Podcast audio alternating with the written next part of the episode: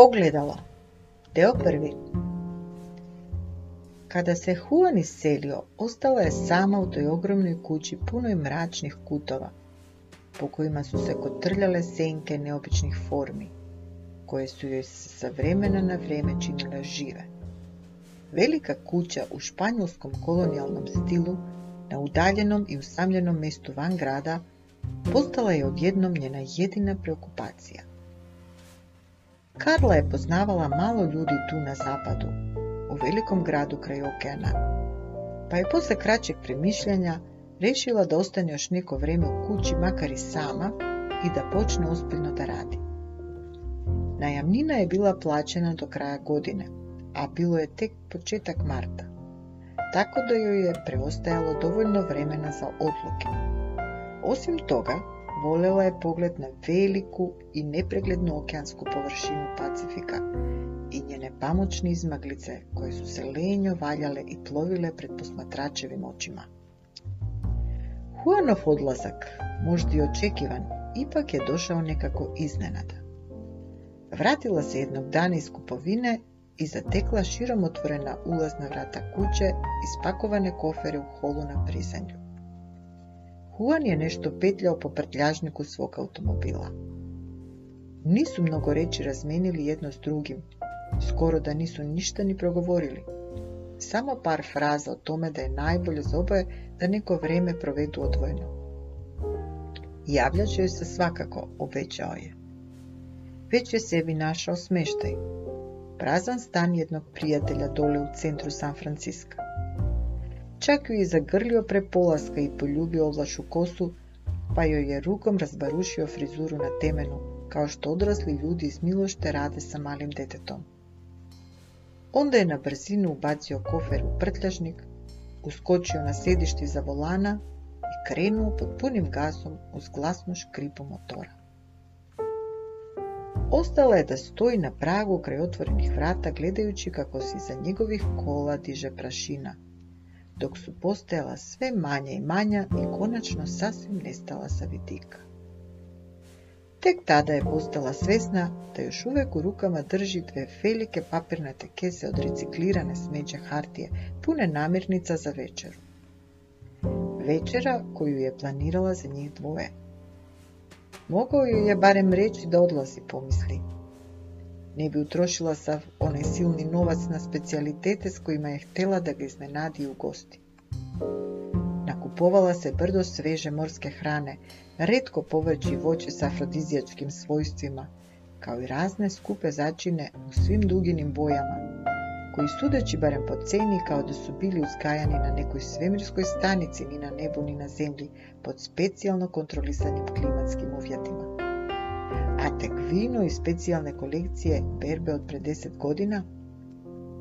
Šta sad da radi sa tom hranom koja je trebala da predstavlja izazov i novi domet za njene kulinarske veštine? Pragmatičnost sa kojom je pristupila celoj neugodnoj situaciji bila joj je refleksni urođeni odbrambeni mehanizam za nerešive probleme. Po sistemu Scarlett O'Hara, omiljenog književnog likanja nebake, i ona je plakanje uvek odlagala za neki dan sa budućim datumom, a razmišljanje o izlazu iz nevolja za sutradan. Otišla je do kuhinje i ubacila skoro sve što je pokupovala u zamrzivač, pa otvorila bocu skupog belog vina koje je kupila i sela na trem. Šta će sama da radi u tolikoj kući, upita se. Juan se bavio muzikom, a ona slikanjem. Bili su zajedno nepune dve godine i dobro se slagali. Iznajmljivanje ove kuće trebalo je da predstavlja korak napred ka novoj etapi u njihove vezi. Dobrovoljno i radosno su donijeli odluku o početku zajedničkog života. Ali, otkad su se ovdje uselili, stvari između njih su pošle naopako. Nije mogla tačno da kaže kada i zbog čega se to desilo kao da se nešto nevidljivo isprečilo među njima. Počelo je sa malim bespredmetnim svađama. U početku su bila sporadične, a onda sve češće i sve žešće. Ipak, Huan joj je već nedostajao.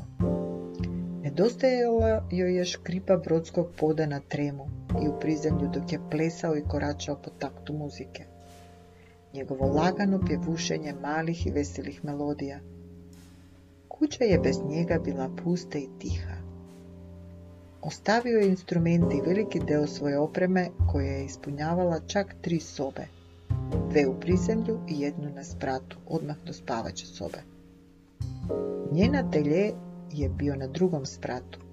Sredila ga i opremila u sobi koja se nalazila na najvišem nivou kuće u nečemu nalik kuli, na spoju južnog istočnog zida koja je izgledala kao neka vrsta osmatračnice.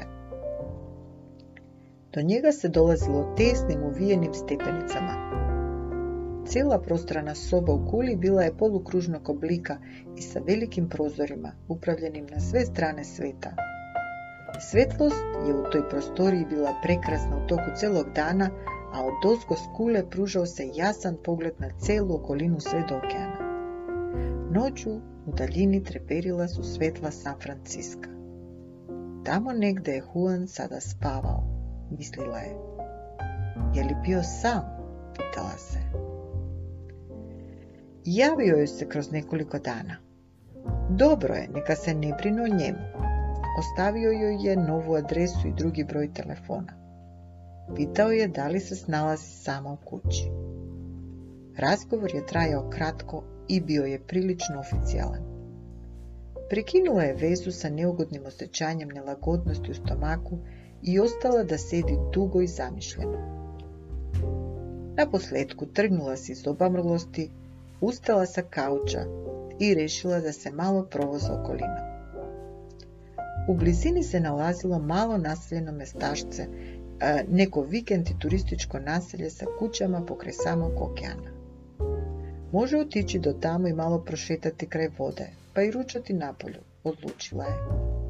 To će joj odagnati misli o Huanu i njihovoj situaciji.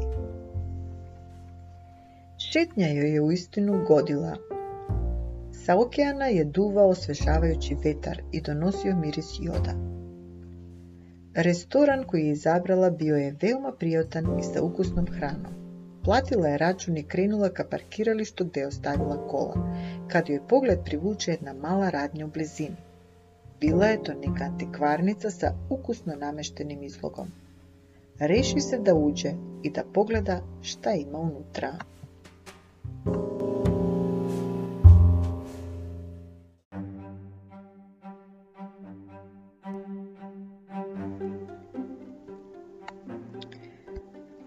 Radnji je sedela starija žena sa gustom prosvedom kosom, tamnim očima i jarko crvenim ružem za usne, koji je njenom licu davao neku neobičnu mladolikost i svežinu. Smišila se ljubazno dok je Karla polako razgledala sitnice, zastajkujući povremeno kod nekog većeg komada nameštaja i proučavajući natpise istorijskim podacima i detaljima u izradi i stilu. Nije se mnogo razumevala u antikvitete. U stvari nije joj bilo jasno šta ju je uopšte privuklo da uđe. Verovatno ukusno uređen izlog, pomisli. Bilo je tu svakakvih stvari, od velikih komada nameštaja do raznih ličnih predmeta i intimnih sitnica. Zbog čega su ljudi kupovali takve stvari koji su nekada pripadale nekom drugom, zapita se pravi vašar ostataka tuđih života, sređen i klasificiran po nekakvom trgovačkom redu. Pružao se svuda oko nje. Pogled joj konačno privuče jedno ogledalo, malo zadskriveno i naslonjeno sa strane, na zidu iza ulaznih vrata radnje. Gospođa za pultom primeti njeno zanimanje. To vam je venecijansko ogledalo veoma vredan komad. Izuzetno nešto mogu čak slobodno da kažem. Redko se tako što može naći slučajno, pogotovo po ovako povoljnoj ceni. Potiče iz Europe, mada se tačno i ne zna komu je sve bio vlasnik. Sigurno je staro barem 3-4 veka, objasnila joj je žena. Karla priđe i ogleda se u njemu. Ogledalo je vraćalo odraz sa prijatnim toplim tonovima. Nekako ju je činilo ljepšom, privlačnijom, drugačijom čak uzbudljivio. Dopadalo joj se, dimenziji i oblik, ukrasni ram. Mada nije bila posebno pri novcu, iznenada je riješila da ga kupi.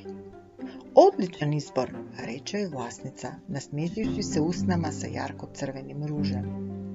Verujte mi, nećete se pokajati. Nadam se da ću vam se uklopiti u ostali namještaj. Da, volim starinski stil, reče Karla. Vi živite u velikoj kući na brdu, zar ne?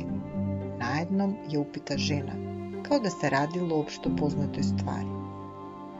Da, odgovori Karla. Kako znate? Oh, draga moja, ovdje malo što može ostati tajna. Baš mi je drago što sam vas upoznala. Kuća je dugo bila prazna. Radujem se što se par simpatičnih mladih ljudi u nju uselio.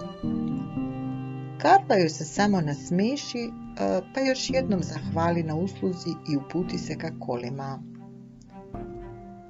Ogledalo je postavilo u spavačoj sobi nasuprot velikom bračnom krevetu. Koliko ga je više gledala, sve joj se više dopadalo. Celoj sobi je dalo neku novu, neobičnu atmosferu.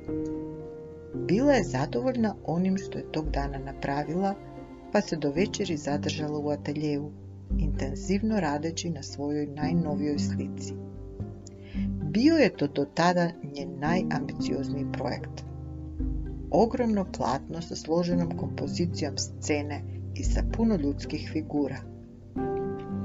Vizija slike joj se javila u snu i žurila je da ju prenese na platnu grubim detaljima pre nego što joj sećanje na nju izbledi. Nazvala ju je Venera, ni sama ne znajući zbog čega. Ne, nije podsjećala na onu Botticellijevu, ali ipak zbog nečeg morala je nositi to ime i jedno drugo. Te noći nije mogla mirno da spava. Na nebu je bio pun mesec koji je svetleo kao lampion okačeno ram prozora. U neko vreme prezore probudila se iz nemirnog površnog sna i naglo se uspravila u postelji. Potražila je rukom čašu vode koja joj je uvek stajala kraj kreveta. Mesečina je osvetljavala sobu tako da je skoro sve u njoj bilo plavičasto i vidljivo. Napila se iz čaše i kada je htjela da se vrati u postelju i da se okrene na drugu stranu, pogled joj pade na odraz u ogledalo. Trgnu se iznenađeno, dok joj se kroz polu zamučenu svest probijala neka mutna misao. U ogledalu se nije pojavio njen lik. Učini joj se da vidi neku nepoznatu ženu. Ležala je u postelji na leđima i spavala. Imala je dugu kosu, lisičio crvenkaste boje, sa razdeljkom po sredini glave koja joj je u blagim valovima padala preko ramena i grudi. Spavačica bledozelene boje lipe bila je tanka i svilenkasta, a na rukavima, koji su se zvonasto širili prema donjem kraju, bila je ukrašena velikim cvetovima plavog ljiljana. Iznad nje uzdizao se visoki naslon kreveta od tamnog i masivnog drveta sa metalnim željeznim kuglama na postraničnim stubovima. Karla se uznemireno zagleda u tu sliku u ogledalu pomislivši u magnovenju da se možda radi o nekoj slici sakrivenoj u samom ramu iza reflektirajuće površine koju nije primetila na dnevnom svetlu, a kad se iznenada u toj sceni nešto pokrenu. Tamna sjena muške figure, vučene u belu široku bluzu sa čipkastim okovratnikom, naboranim oko vrata i tamnim pripijenim pantalonama u vidu helanki, kao da je izronila iz mračne pozadine. Kretala se oko usklavlja ženine postelje. Muškarac se šunjao na prstima, kao da ne želi da probudi usnulu ženu. U jednom trenutku podiže ruku iznad glave pa zamahnu njome u nameru da udari spavačicu. Nešto sjajno blesnu mu podignutoj ruci. Nož! Ne! Povika Karla glasno i skoči iz kreveta, pruživši ruku da dotakne ogledalo. U trenu slika se izgubi, a ona se napokon sasvim rasani. Uznemireno ustade i ode do prekidača na zidu kraj vrata i upali svetlo. Ništa neobično nije mogla da primeti.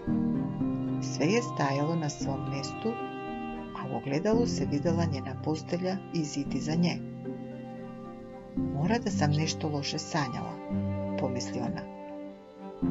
Nije bila sklona pretjerivanjima ni strahu od nadprirodnog ili nepoznatog. Jednom joj je Juan rekao da to i nije tako dobro za nekoga ko želi da postane umetnik. Kako to misliš? upitala ga je.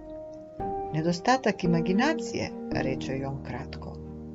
Onaj ko ima bujnu maštu često je sklon više od ostalih da se boji mraka, tame, sjena, nepoznatih mesta, tajanstvenih kuća i sličnih stvari, pošto ne može zaustaviti svoju zahuktalu fantaziju koja svim tim pojavama i mjestima pripisuje neobične ili nestvarne sadržine.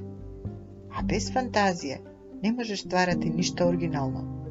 Strah, to je jedno od lica kreativnosti. Ako želiš, možeš to i tako shvatiti. Zamislila se nad tim što joj je rekao. Možda je zbog toga insistirao da iznajme ovu pomalo neobičnu kuću, pomislila je. Ko zna?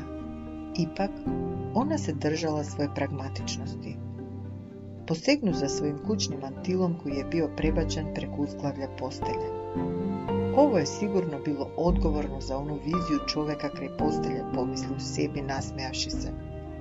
Prvi zraci jutra koji su ulazili kroz prozor sobe sasvim joj raspršiši posljednju sumnju oko noćašnjeg događaja.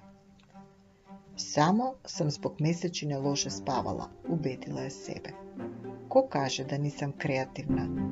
Možda ne osjećam kreativni strah, ali svakako sanjam fantastične snove.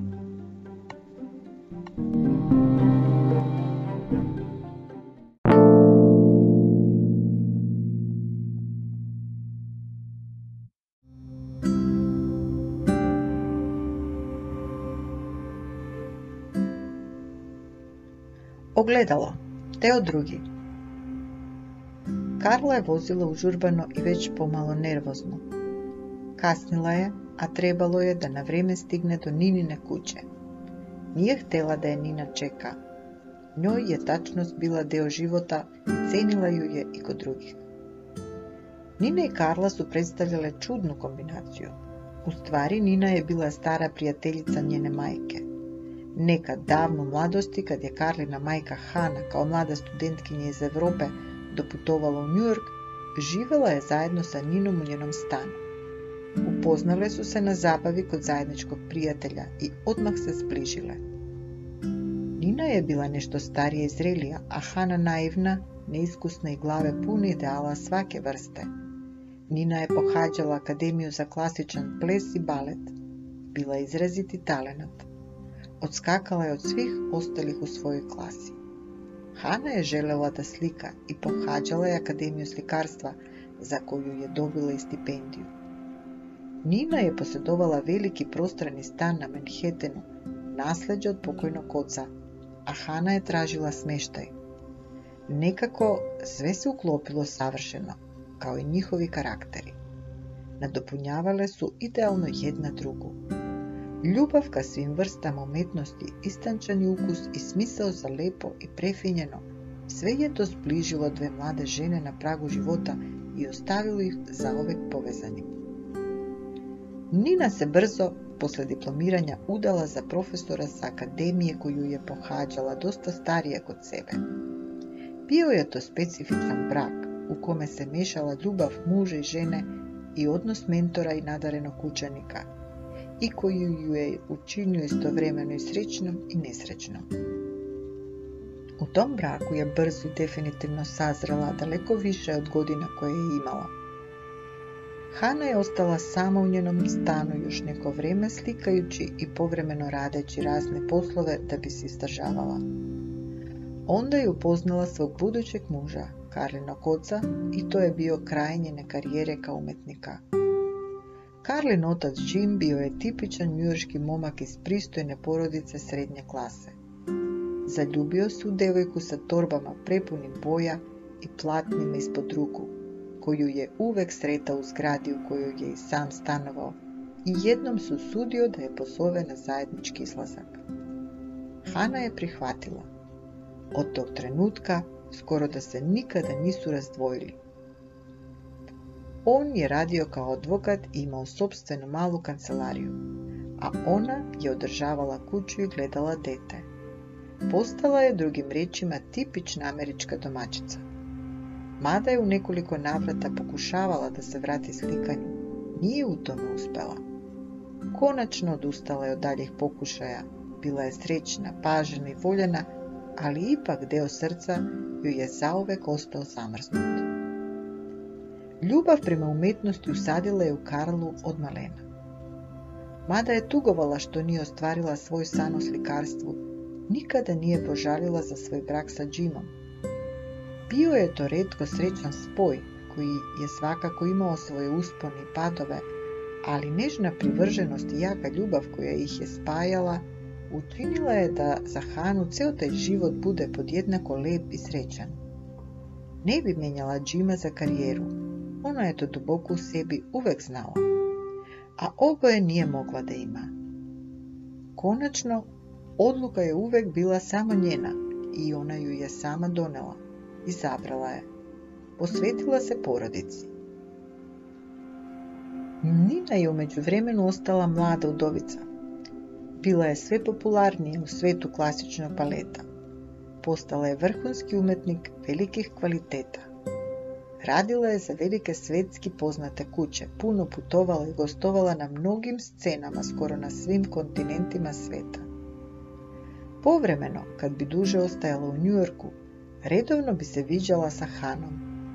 Njihovo je prijateljstvo dolevalo svim geografsko-vremenskim preprekama, kao iskušenjima tako različitih životnih izbora.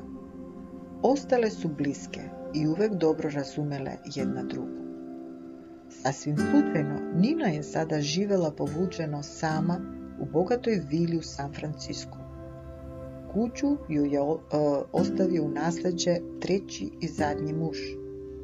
Još je bila oličenje lepote, čak i u svojoj sedmoj deceniji. Uspravna, elegantna, odmerena, sa vitkom skoro ravnom i malo koščatom figurom, pravilnih crta lica sa visokim jabučicama i velikim očima. Kad bi je ugledali, ljudi su dobijali želju da je fotografišu. Toliko je njen izgled i celokupna pojava budio neku neobičnu i pomalo egzotičnu privlačnost spojem jednostavnosti, elegancije i jedinstvene lepote. Njih dve su bile odavno dogovorene da posete otvaranje jedne redke izložbe u Muzeju finih umetnosti San Francisca, koja je nudila priliku da se vide dela autora takozvanog španskog zlatnog doba. Tu su se nalazile slike i veoma poznatih umetnika, čak jedan Velasquez, pa sve do dela manje slavnik za koje su čuli samo redki poznavaoci, pozajmljenih od vlasnika iz ličnih kolekcija, specijalno za ovaj povod. Bila je to redka prilika za publiku sa istančanim ukusom i interesom. Nina je imala puno veze i prijateljstva u umetničkim krugovima grada, što je Karlu uvek iznova fasciniralo. Ulaznice za ovakva događanja za nju nisu bile problem. Uvek je insistirala da trošak bude na njen račun, što je, mada nerado, to priznala, Karli ipak puno značilo. Nina je na sebi imala komplet neuobičajeno kroje i neodređene, ukašene biserno roze boje. Karla je pokušala da definiše tu boju i makar bila slikarka, teško joj je pošlo za rukom. Bila je to sedefasto ružičasta nijansa sa matiranim, čak metalno sivim odsjajem neuhvatljiva za opis. Nina se uvek specifično odevala. Nosila je odeću u crno-beloj varijanti ili u ovakvim neopisivim bojama sa samo nežnim tonom osnovne boje u sedefasto sivoj nijansi. Karla se pitala odakle nalazi te boje i materijale.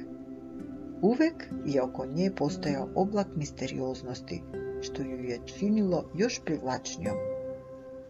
Pogledala ju je dok je hodala malo ispred nje. Elegantne sivkaste pantalone koje su lako padale oko njenih nogu i duža košulja bluza u obliku tunike koja je davala odraz elegancije i uspravnog držanja, a nije otkrivala obrise tela.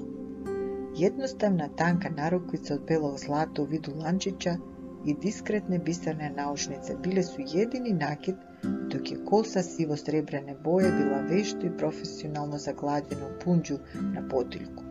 Savršena kao i uvek, pomisli Karla, skoro je klizila po podu, bešumno hodajući lakim korakom balerine. Posle kratkog govora direktora muzeja i organizatora izložbe, bila je otvorena. Ninu su se ostavili nekolicina od prisutnih ljudi sa kojima je ostala u razgovoru, dok se Karla polako šetala po galeriji, razgledajući sliku za slikom. Izložba je bila veoma dobro organizovana i bogata. Cano, Mazo, Velasquez, Careno de Miranda, Cerezo, Ескаланте. Низала су се имена автори из 16. и 17. века. Време процвата Шпанија и њени уметности. Италијански утицај на почетку Ренесансе, па касније сасвим профинен и оригинален шпански правец. Било е фасцинантно видети уживова дела, мада она nije посебно волела taj правец уметности. Osvrnula se preko ramena i ugledala Ninu kako stoji i priča sa nekim visokim nepoznatim mladićem tamne kose.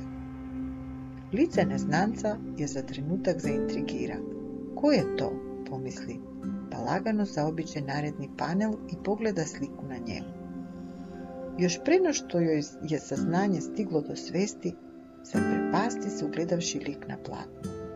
Nemoguće, pomislila je. Šta je sad ovo? Priviđa li se to njoj? Na platnu srednjih dimenzija bio je naslikan portret žene sa crvenkastom kosom boje lisice. Lice je bilo duguljasto i ovalno, sa crtama nežno izraženim mekim potezom četkice i boje.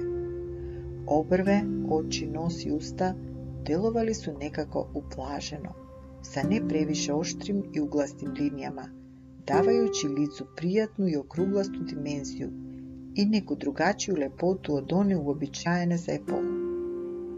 Oči su bile najizražajnije na inače bledome licu, islikanom zlatasto crvenkastim toplim tonovima. Krupne, tamne i sjajne, kao da su pozivale, htele da nešto kažu posmatraču. Žena je bila mlada, možda u kasnim dvadesetim. Sjedela je ispred ogledala, mada okrenuta licem od njega, a ruka, držeći češalj, bila je u pokretu podignuta ka vrhu glave. Nosila je kućnu haljinu od svila zelenkaste boje lipe sa rukavima koji su se proširivali ka donjem kraju, ukrašeni vezom cvetova ljiljana. Karla je piljila u lik na slici, ne mogavši se maknuti. Bila je to ona, žena iz ogledala. Nije bilo nikakve sumnje i pokraj stanja polusna u kome se nalazila, veoma jasno je zapamtila to lice i tu odeću. Karla, čini se da si pronašla nešto što te veoma interesuje. Ona poskoči na te reći izgovorene tik kraj njenog uha. Nina joj se nečujno približila i sada je stajala kraj nje, gledajući u sliku sa smeškom na usnama. Oh, Karla uzdahnu sa olakšanjem. Ja, ma ne, samo mi se nešto učinilo. Ko je autor? Nije mi poznato, odgovori Nina. Carlos Toreros, 1641. godinu u Sevilji, devojka pred ogledalom. Iza njih začu se dubok i prijatan muški glas. Karla se zbunjeno okrenu. Tamnokosi mladić je stajao iza njihovih leđa i smeškao se.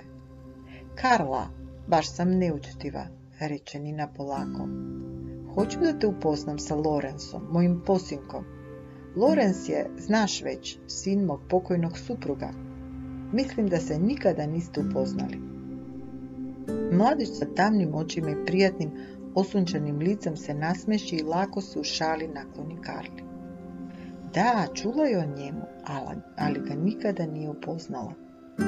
Lorenz je bio samostalan i nezavisan momak, koji je sam sobstvenim radom i pored bogatstva svog oca uspeo da osnuje i razradi sobstvenu vinariju u Napad. Nina i on su uvijek bili u dobrim odnosima. Ona je malo o njemu pričala, ali su to bile odabrane reći pohvale i poštovanja. Lorenz me iznenadio svojim prisustvom na ovakvom događaju, nasmeši se Nina podigavši glavu gore prema njemu. Ali čini se da je imao dobar razlog za to, zar ne Lorense? dodade nasmiješivši se i pogleda u pravcu jedne elegantne, visoke žene sa dugom pepeljasto plavom kosom, obučene u haljinu sa dubokim izrazom na leđima. Bila je to Harry Wood, popularna glumica. Lorenz također pogleda u pravcu gdje je lutao Ninin pogled pa se samo malo nasmiješi i odmahnu glavom. Sve, sve je to sasvim prijateljski, Nina. Ja i Harry smo bili bliski još u školskim danima. Karla je slušala njihov razgovor odsutno, dok joj je i nehotice pogled bežao ka slici. Nešto vas veoma interesuje na tom platnu, rekao je Lorenz opet svojim dubokim glasom, koji je delovao čudno umirujuće na sagovornika. Mogao bi da leči dušu ovakvim glasom, pomisli Karla. Da, ja, u, stvari ne, ništa posebno. Izvolite, ovdje je katalog s izložbe. Možete pročitati detaljnije na miru kod kuće, reče i on i pružio je luksuzno izrađeno muzejsko izdanje u vidu knjige sa opisima autora i dela. Slobodno ga uzmite, meni neće interesovati toliko kao vas, osmehnu se ono hrabrujuće. Smušeno mu se zahvalila i uzela knjigu. On ju je zainteresovano gledao, a pod njegovim pogledom činilo joj se kao da se nalazi ispod mikroskopa. Harry Wood mu mahnu sa drugog kraja prostorije. Ljubazno im se ispričao što ih mora ostaviti, pa se oprostio od njih učtivim pozdravom. Odavno Karla nije bila u društvu nekog tako dobro vaspitanog, a ipak bez trunki zveštačnosti. Ubedite Ninu da vas donese na testiranje naše nove berbe. Okrenuo se i dobacio im preko ramena pre nego što se udaljio. Vino nam je odlično. Nećete se pokajati.